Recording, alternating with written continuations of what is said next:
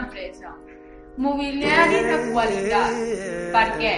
Parets folrades de fusta. Una taula de junta amb vuit cadires. Sobre la taula, ampolles d'aigua i quatre gots. Un tapís mironià a la paret. Al fons, una porta doble, a un lateral, una porta més petita. Un gran finestral deixa entrar la darrera llum d'un capvespre a través del finestral al cel. Intuïm que la sala es troba a un pis d'alçada. En una de les cadires hi seu Ferran Auger, un home d'uns 38 anys, atractiu, trajó elegant i modern. Davant seu, sobre la taula, un maletí d'executiu. Després d'uns segons, Ferran mira el rellotge. Treu del maletí un diari d'informació econòmica i comença a fugejar-lo. Sona un mòbil. Ferran se'l treu de la butxaca i el connecta. Sí? Hola, nano! Ja hi sóc. Estic esperant. Per la porta doble entra Enric Font. Ferran sembla que no el veu. Hòstia, aquesta nit a sopar? I per què quedes sense dir-me res? No, no vindré. No ho sé, tu mateix. Passo de llapar el cul a aquests japonesos per quatre duros. Escolta, estic a punt que em donguin una feina de collons. O sigui que, per mi, els pots dir que se'n vagin a prendre pel sac. Estic tip de baixar-me els pantalons davant d'aquests gilipolles. Mai més, t'ho juro. Ferran veu Enric. T'he de deixar... Ferran guarda el mòbil. Enric és un home grassonet, que supera la quarantena. També d'un tr- du trajo, però no tan modern com Ferran. Maletí d'executiu a la mà, un maletí més usat que el de Ferran. Bona tarda. Bona tarda. M'han dit que l'entrevista és aquí. Sí, a mi també. Vostè és de l'empresa? No, sóc un candidat al... Ah, jo també. Encantat. Igualment. Encaixen. Enric deixa el seu maletí a la taula. Hi ha uns segons de silenci. T'han explicat alguna cosa? No, res. Curiós tot plegat, no? Sí, Tècniques no convencionals. això sembla. Quan ho van proposar, no sé, no sé, habitual. Què serem nosaltres dos? No ho sé, hi ha quatre gots. Potser són pels que han d'entrevistar. Potser. Això de l'entrevista conjunta és una mica, com a mínim, original. I més per una feina d'aquest nivell. Normalment és tot com més confidencial. A mi això... No, a mi també, però vaja, tu i jo no ens coneixem, però seria fàcil que ens trobéssim a algú conegut. I què? Home, seria una mica violent. Enric seu. Uns instants de silenci. Has vingut amb cotxe? Sí, Jo també.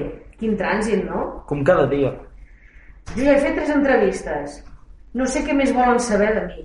I tu quantes n'has fet? Tres. Com jo. Enric treu una capseta de carmels. Un Ventolin? No, gràcies. Jo no tenia gaires esperances d'arribar fins aquí.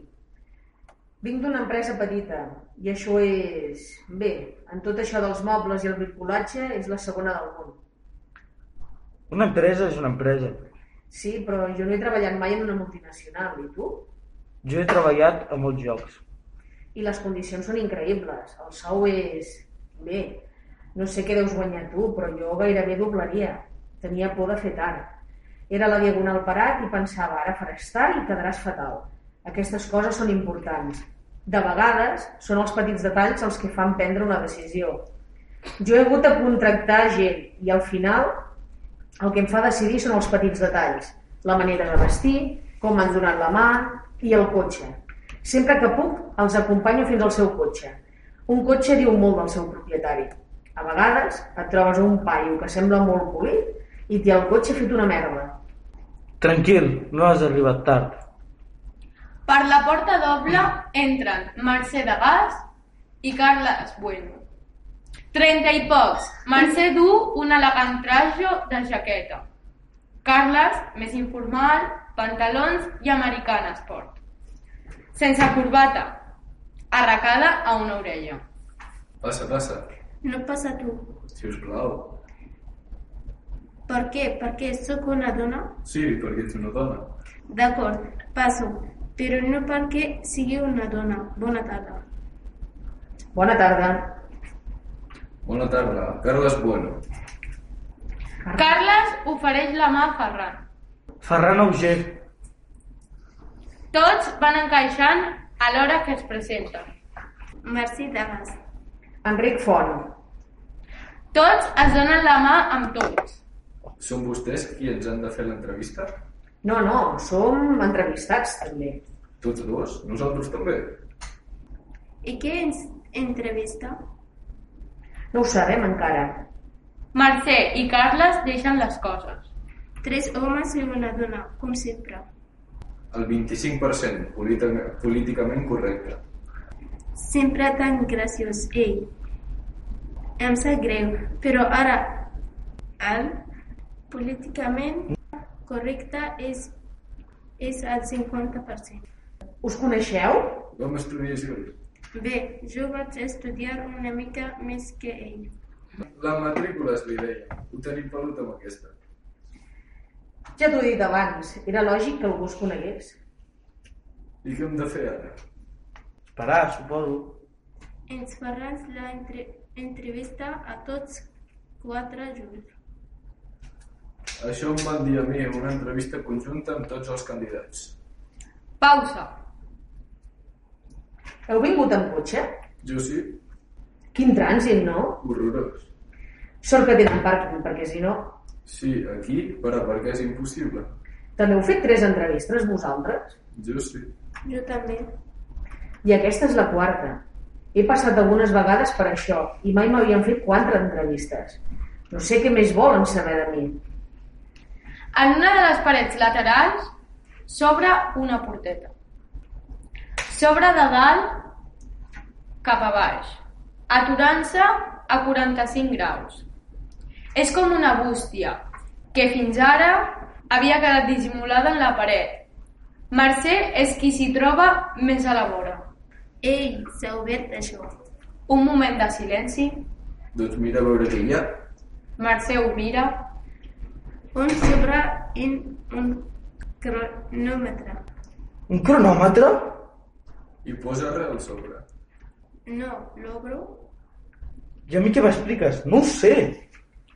Enric obre el sobre. Bon dia i benvinguts. Com ja els vam avançar, aquesta és la darrera fase del procés de selecció per accedir al càrrec de director comercial de Dèquia. Vostès són els últims aspirants. Sabem que aquesta no és una prova habitual. Seguim el protocol establert per la nostra central a Suècia. Si en algun moment consideren que alguna de les nostres propostes que els farem no és acceptable per vostès, poden abandonar el procés. La porta és oberta. Si surten d'aquesta sala, però, sigui pel motiu que sigui, entendrem que renuncien a continuar aspirant al càrrec. La primera prova és la següent. Els hem dit que són els últims aspirants, però no són els últims quatre aspirants. Només hi ha tres autèntics aspirants. Un de vostès és un membre del nostre departament de selecció de personal. Juntament amb el sobre han trobat un cronòmetre. Tenen 10 minuts per esbrinar qui de vostès és un autèntic candidat. Si us plau, posin en funcionament el cronòmetre. És el botó de la dreta. I ja està. Collons, A veure, un moment. O sigui, un de nosaltres no és... està ben clar. He desbranat qui és. Pensava que això seria una entrevista. Jo he de fer, una, una, fer alguna cosa amb el rellotge. Hi ha un candidat que no és candidat i hem de descobrir qui és. Això ja hem entès. Que bo. Bo? La prova, descobrir qui menteix, és bona perquè, és clar, quan hem entrat tots pensàvem que érem iguals, que érem candidats i ara resulta que no. Què l'engeu? Mercè pren el botó del cronòmetre. 10 minuts. A veure, situem-nos. Un de nosaltres no és real. Pausa. Tots quatre es miren. O sigui que, l'en- que l'entrevistador és, és un de vosaltres. Potser ets tu? Jo, jo, jo no sóc. Hi ha algú, hi ha algú que està fingint. Podem ser qualsevol. Tenim 10 minuts, no és gaire temps. Crec que és més ràpid descartar que no pas intentar descobrir directament qui és l'impostor. Hm, L'impostor. Hi ha una cosa que d'entrada està clara. Vosaltres dos us coneixíeu, Mercè i Carles es miren. Però feia temps que no ens veiem. però si un de vosaltres és el candidat fals, ho podeu esbrinar més fàcil. Sabeu coses l'un de l'altre.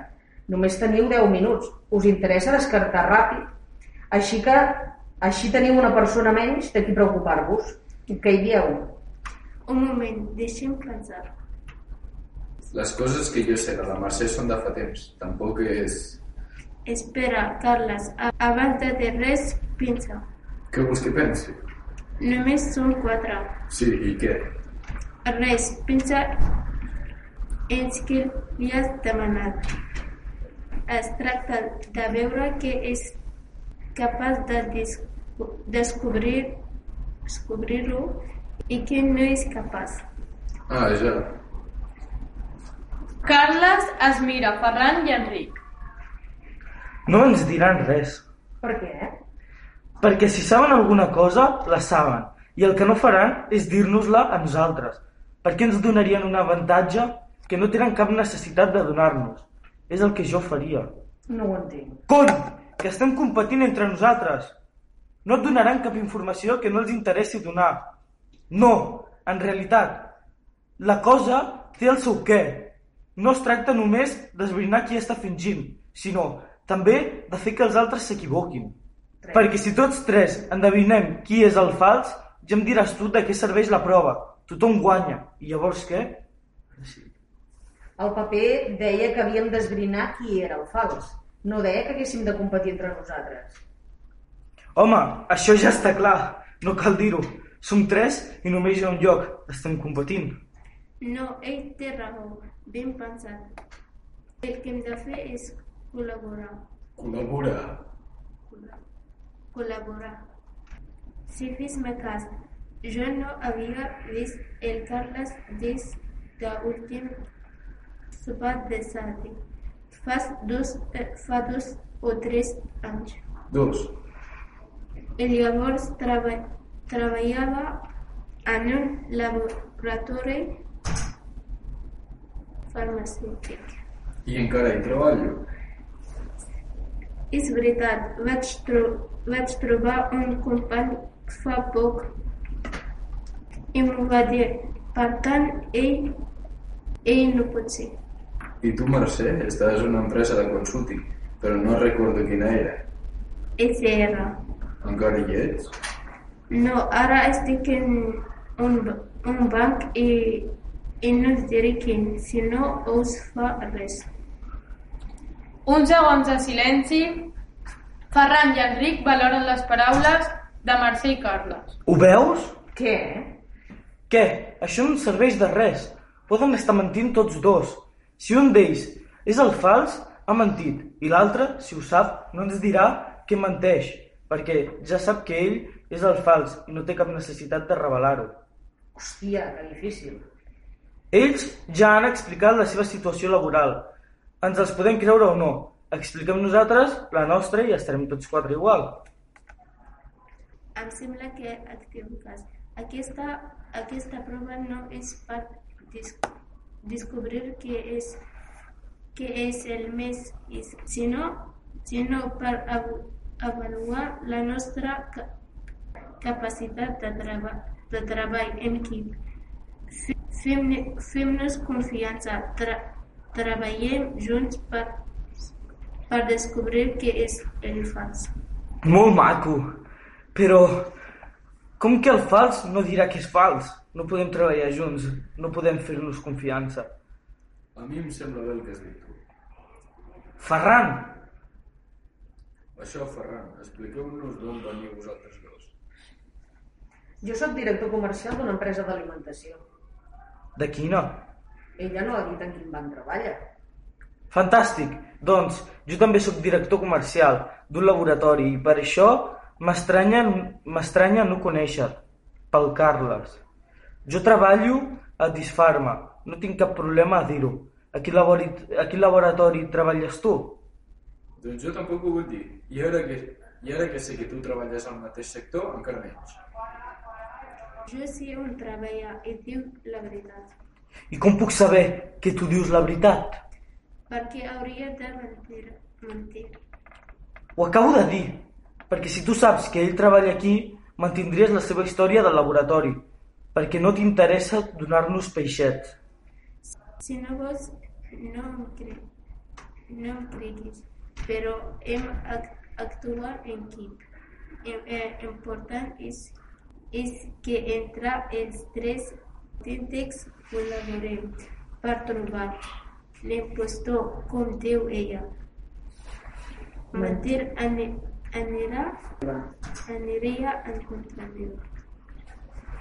Doncs, digues en quin banc treballes, no ens, no ens ho amaguis, mentiu en contra teva, no?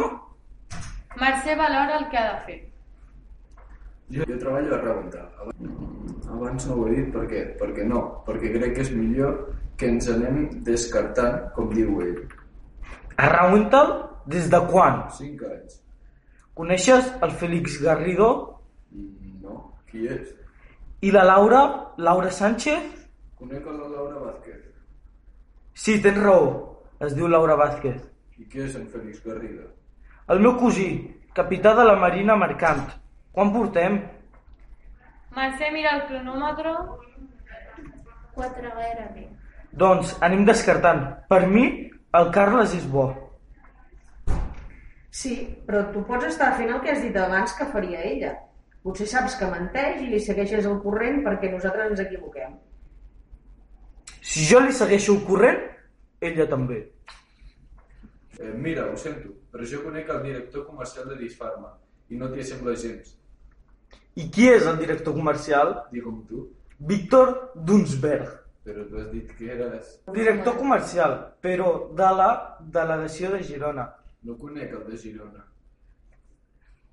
Ja no ho pots dir. I ara podeu estar mentint tots dos. I ella també. Sí, ella ha mentit. Tu també mentiràs. Si ella ha mentit, és el seu problema. Per què he de mentir jo, si menteix ella? Perquè t'afegeixes a la seva mentida per enganyar-me a mi. Jo no he dit cap mentida. Ningú es pot afegir a, a una mentida que no he dit. Potser no, potser no has dit cap mentida, però si ell s'ha adonat que ell menteix, creurà que tu també has mentit i s'afegirà a la teva mentida encara que no sigui mentida. Xaval, t'estàs embolicant. No senyor, si ell no és el que ha dit que és i vosaltres sabeu que menteix, em mentireu a mi per mantenir la mentida. No pensis tant, que ja es veu que no hi estàs gaire acostumat. Estic intentant aclarir-me. Ja t'ho aclareixo jo. Si jo mentís, si jo fos l'impostor, ja sabria que ell treballa en un laboratori, perquè hem fet unes quantes entrevistes per arribar fins aquí. Hem donat el nostre currículum. Si jo fos de l'empresa, ho sabria tot d'ell i m'hauria buscat una història diferent. No que treballo en un laboratori perquè ell podria descobrir que menteixo a la primera de canvi. Els altres tres se'l miren. M'ho pots repetir? Que el Carles em pregunti el que vulgui de la feina. No, no cal perdre el temps, jo me crec. Heu de ser un de vosaltres dos. Tu, Mercè, això del banc, m'escama. Algú m'hauria comentat. És possible, però per la mateixa, la mateixa raó, si, si treballes aquí, també t'hauria comentat algú. També és veritat. Però ja que estem sense tra treballo, tra treballo al Banc del Mediterrani i soc cap, la, cap de la secció ma marketing. Des de quan? Mig any. Mig any? I ja ho vols canviar? Sí, què passa? No res, no res. Faltes tu, Enric. Ja ho tinc, ja ho tinc. Estem fent el... Ens estan prenent el pèl. Ells dos. No, nosaltres ens hem cregut que hi ha un candidat fals perquè ens ho han dit. Però el que em sembla és que tots quatre són candidats reals i que no hi ha cap impostor. Llavors, per què serveix aquesta comèdia? Doncs per això, per veure si són capaços de donar-nos que ens estan enganyant. Als Estats Units aquest tipus de proves als processos de selecció són habituals. Et posen problemes, enigmes, per veure si ets capaç de visualitzar situacions des d'una òptica nova. Aquí del que es tracta és que tots creguem que el problema és que hi ha un candidat fals, que algú dels que estem aquí està enganyant els altres, quan, en realitat, els que ens estan enganyant d'entrada són ells. No, i per una raó molt senzilla. No té cap sentit que nosaltres estiguem aquí intentant demostrar la nostra perspicàcia si no hi ha ningú que ho valori. Com que no hi ha ningú? Ens estan valorant des de fora. Segur que hi ha micròfons i ens estan sentint, o càmeres fins i tot. Càmera? Es deixa els candidats en una situació en què creuen que estan sols i s'observa com actuen. I on són les càmeres? No ho sé. Poden estar amagades a qualsevol lloc. Els llums, jo què sé. Hi ha mil maneres. Tots quatre fan la mirada a la sala. Voleu dir? Mira, el que dius sona també que no m'ho crec. Tu ets el candidat fals. Ets l'únic que no ens has dit on treballes. I, aquesta, I aquest coneixement tan complet sobre aquest tipus de proves em demostra que formes part de l'equip de selecció. Sí, jo estic amb tu. A més, he tret aquest raonament quan, quan ja estava acorralat. Quan ha vist que nosaltres tres ja estàvem fora, ell tenia tots els números. Surt amb la història aquesta que ens estan en- enganyant. No ho sé, no ho sé. A mi, el que ha dit em quadra. Que s'expliqui una mica més. Primer, que ens digui quina és aquesta empresa d'alimentació on treballa. No us ho diré. Per què? Perquè no vull. No ho trobo necessari. Ens, queda, ens queden dos minuts i mig.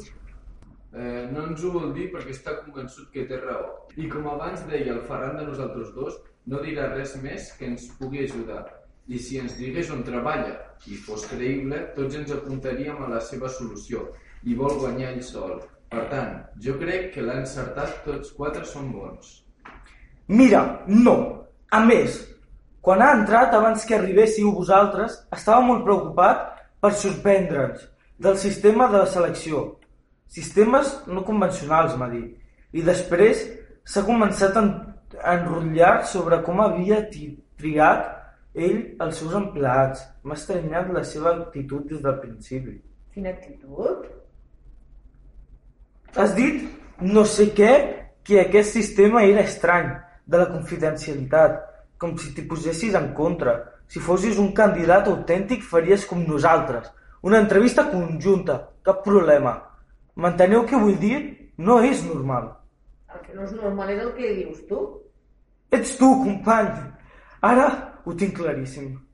Podria donar-vos un munt de raons per convèncer-vos de que tinc raó, però no ho faré. Si us voleu equivocar, vosaltres mateixos. Ens podries donar un munt de raons, però no ens les dona. Perquè no vull. I encara he estat massa bo. Hauria d'haver esperat que passessin els 10 minuts, que la caguéssiu i després donar la solució. No deies que havíem de col·laborar? Ens queda res, hem de decidir-nos. Jo estic amb ell, tots quatre som autèntics. Jo ja ho sabeu. Jo dic que és ell. Enric Font per servir-lo. No crec ni que et diguis així. Faltes tu.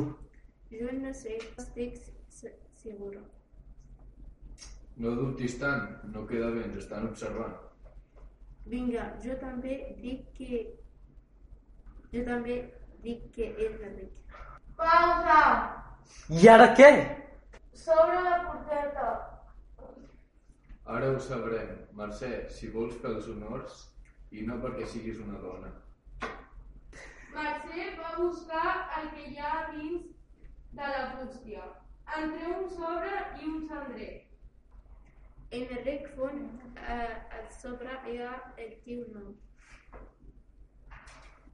Enric va buscar el sobre i l'obre. El llegeix sense dir res. Llegeix en veu alta, home. No, no puc. Enric acaba de llegir i torna a posar el sobre la bústia. La bústia es tanca. Què? que tenia raó. Què hi posava? Qui vulgui fumar pot fumar. Mercè posa el cendrer al mig de la taula, Enric seu, es posa les mans al cap pensatiu. Els altres el miren. Ah! Qui ha guanyat? No ho deia. No hi havia res. D'això, no. En conseqüència, ell i jo tenim raó, tots som bons. Em sembla que vosaltres dos aneu perdent. Què hem de fer ara? Enric encara té les mans al cap. Sembla molt amoïnat. No ho sé. Què hi posava al paper? Em demanen... no sé què de fer. No, no ho sap? No ho has entès? Sí, sí que ho he entès. I què? Vinga, intentaré, intentaré explicar-ho bé. Jo crec que en una empresa el més important és obtenir resultats i que això està per sobre de qualsevol altra consideració.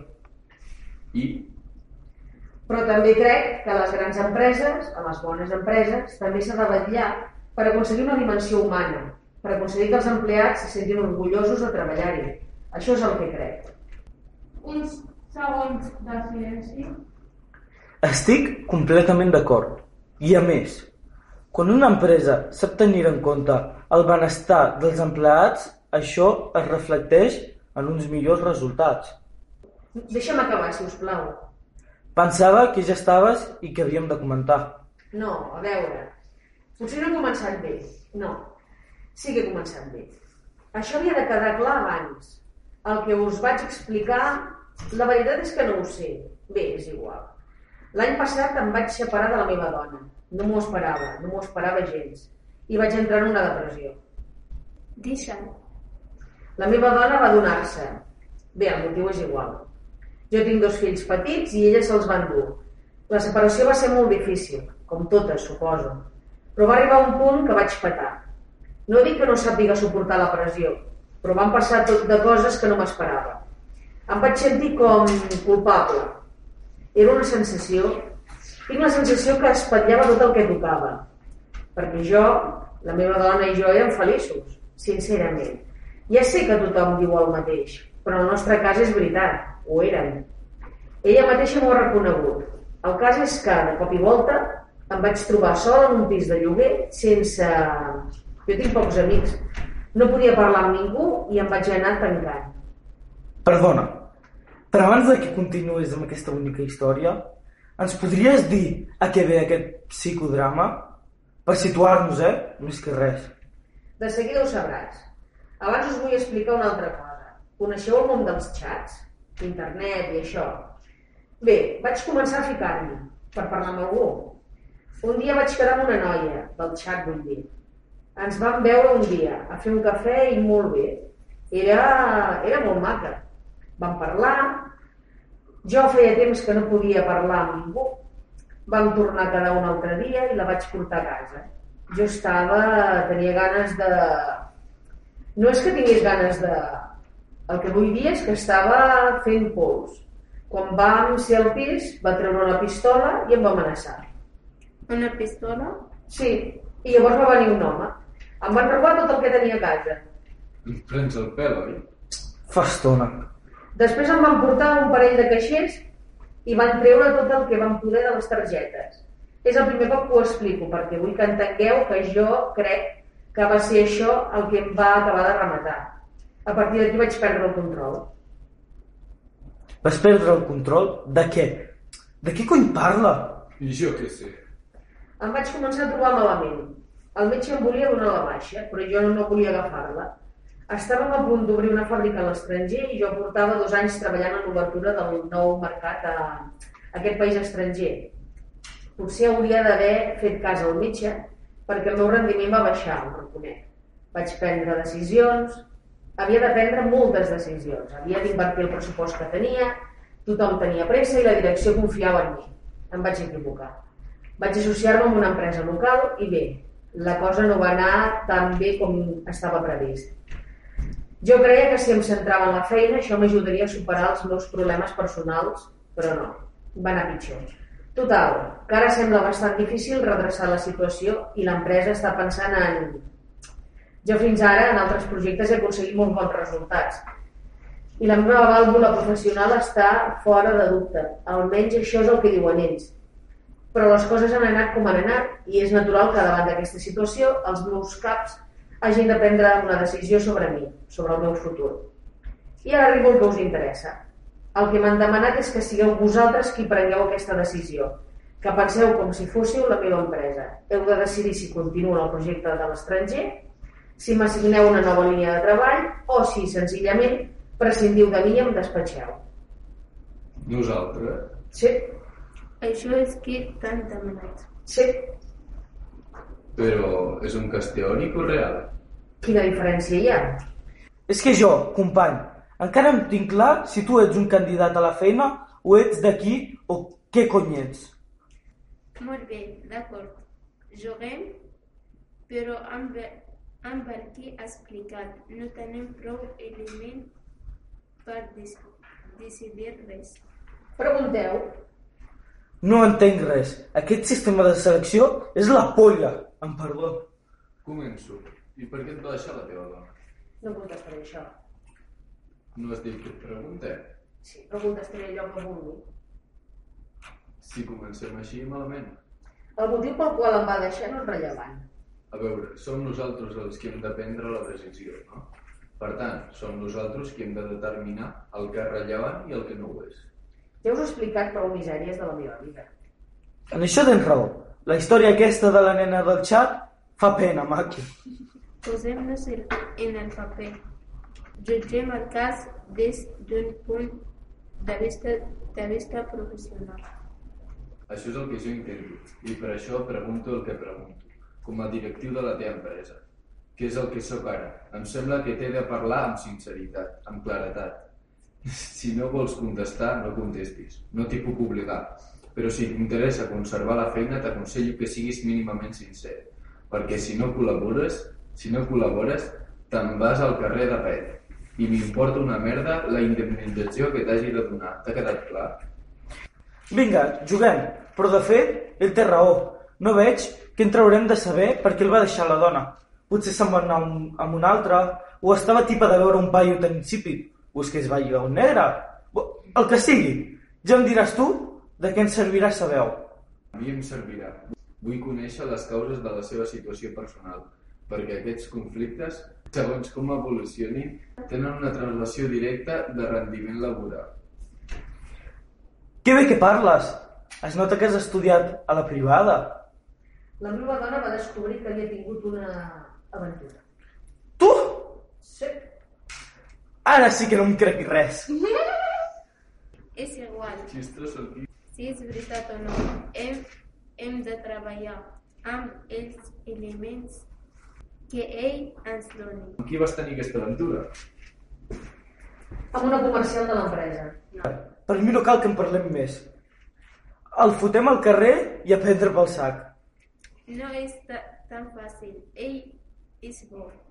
Fins fa poc sempre a treballar bé. És això, no? Jo crec que sí.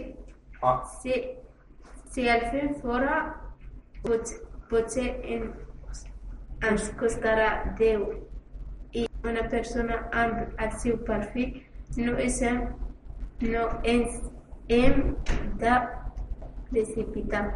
com vostè vulgui. No ens precipitem. I l'aventura aquesta amb la comercial, què? S'ha acabat o encara dura? Es va acabar fa mesos. Molt bé, millor. I la separació amb la teva dona? La tens superada o no la tens superada? No ho sé. Penso molt en ell encara. Penses molt en ella. Escolteu, a mi em sap molt de greu que l'amic s'hagi separat, però, sincerament, pel cas que ens ocupa, tant se me'n fot. Es va embolicar amb una nena de l'empresa, la dona ho va saber i el va plantar. Què hi farem? És la vida. Li va agafar una depressió i va començar a fer l'idiota i a passar de la feina. Ho lamento. Per mi, el motiu pel qual ella passa de la feina me'l passo jo pel forro. El que compta és que aquest pobre s'ha quedat penjat i no ens quedarem aquí perdent, el, perdent calés esperant que baixi de l'arbre. Finiquito i una altra, casa, i una altra cosa. I si li, donem unes vacances? Vacances? Ara que estem obrint mercat? No, no sé on. Aquest, aquest Pamplines l'ha cagat fins al fons. Va fotre banyes a la dona i ella el va enganxar. Això vol dir que molt hàbil no és. Ens ha desgraciat una inversió de collons i a sobre li vols donar vacances? Que som nosaltres. Càritas Diocesana? Ac- Accepto que el millor ara, ara per ara és que la seva feina la faci un altre, però un cop hagi sortit de la depressió el podem pescar és un executiu valuats ens ha fet guanyar diners abans que crec que mateix una opor- oportunitat. Per mi, ni oportunitats ni punyetes. O funciones o no funciones. La vida és així. Tots passem mals, mals moments. Si ens haguéssim de fotre a fora cada cop que tenim una crisi personal, només treballarem les màquines. Parla per tu. Jo no he passat cap crisi d'aquestes. I si tinc un mal dia, a la feina ni es nota. Quan arribes al despatx, has de fer com els pallassos de circ. Pintar-te la cara que toqui, de simpàtic o de fill de puta. I tirar milles. Qui no sap fer això, no serveix. Portem un equip de treball. Portem, portes un equip de treball, tu. Sí, és clar. Ets, et diuen estimar molt. Se me'n fot que estimin les seves dones, els seus fills i les seves amants. A mi, mentre es compleixin els objectius, si volen, que em facin vudú a les nits. Escoltem-lo ell. A veure, de comercial, com era? Sí, què tenia? Per què t'hi vas embolicar? Home, Què tenia? Doncs un cul i dues mamelles, com totes les ties. Quina mena de preguntes són aquestes? Són les meves preguntes. I per què no li preguntes quin desodorant feia servir la tia aquesta? També deu tenir una translació directa al rendiment laboral. El que vull saber és si encara la tens al cap. Tu, com et veus? Estàs bé? Et sents recuperat? una mica. En el nostre lloc, què faries? No es tracta d'això. Sí, es tracta d'això. Si jo fos qui hagués explicat aquesta història, quina decisió prendries tu? Aquí cadascú té el seu paper. A mi no em toca això ara. Però almenys llu- lluita hem de, hem de decidir si et quedes que, o que i tens una actitud de tant se me fot tot que sembla que, ni, Que tinguis? sembla que tinguis ganes que ets fet fora. Vols quedar vols quedar-te a l'empresa o no? Sí. Quin entusiasme! La Mercè té raó. Hauries, no sé, digue'ns que ho estàs superant o que la teva vida personal no torna a inferir a la feina. Jo què sé, defensa. A veure, jo us he explicat la meva situació amb tota la sinceritat del que he estat capaç. Ja m'he defensat a la meva manera. Doncs per mi, la teva manera és una merda de manera. Saps què m'agradaria? Que això no fos un joc que et pogués fotre fora de debò per poca pena. T'asseguro que em quedaria ben a gust. Un moment, espereu.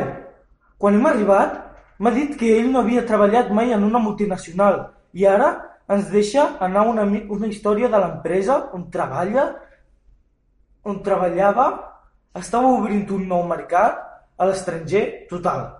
On menteix ara o mentia abans. O totes dues vegades. No he mentit.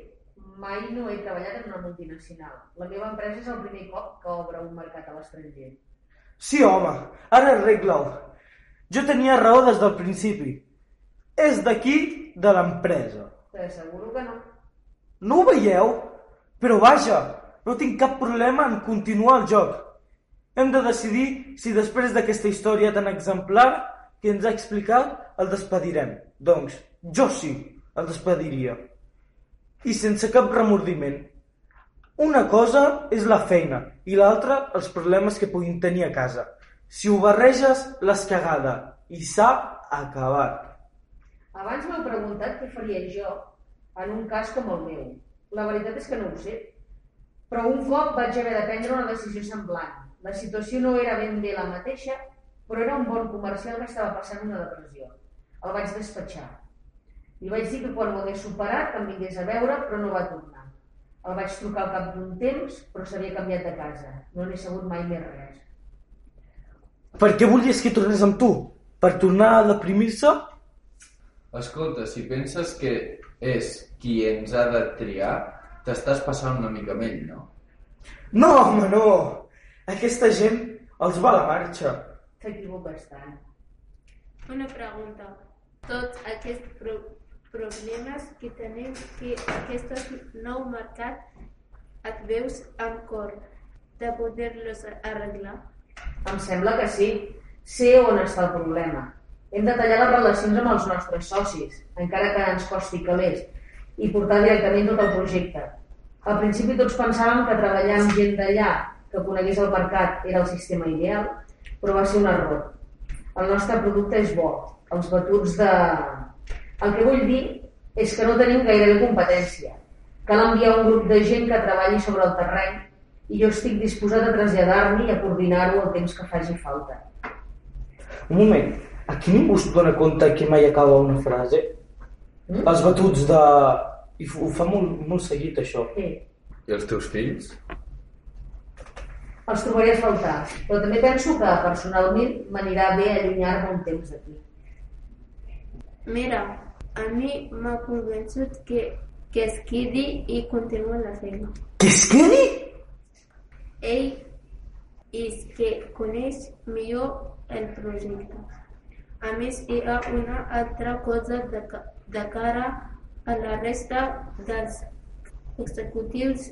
Donaríem una pèssima im imatge si, si féssim fora algú, algú per motius per personal. Crec, crec que és millor donar-li suport. Vinga, jo també, que es quedi. I això en diuen prendre decisions de manera professional. No fotem. I sempre el podem enviar amb ell algú de confiança perquè hi col·labori. Massa risc. Masses complicacions per un paio que l'ha cagat. És bona idea. A ell li donem una sortida i ens cobrim les espatlles. És una despesa inútil. Jo, jo el fotria fora. Però sou dos contra un. Guanyeu. La democràcia és això, no? Decidit, no te convé. Ho teniu clar? Sí, Enric clau els punts en senyal de victòria.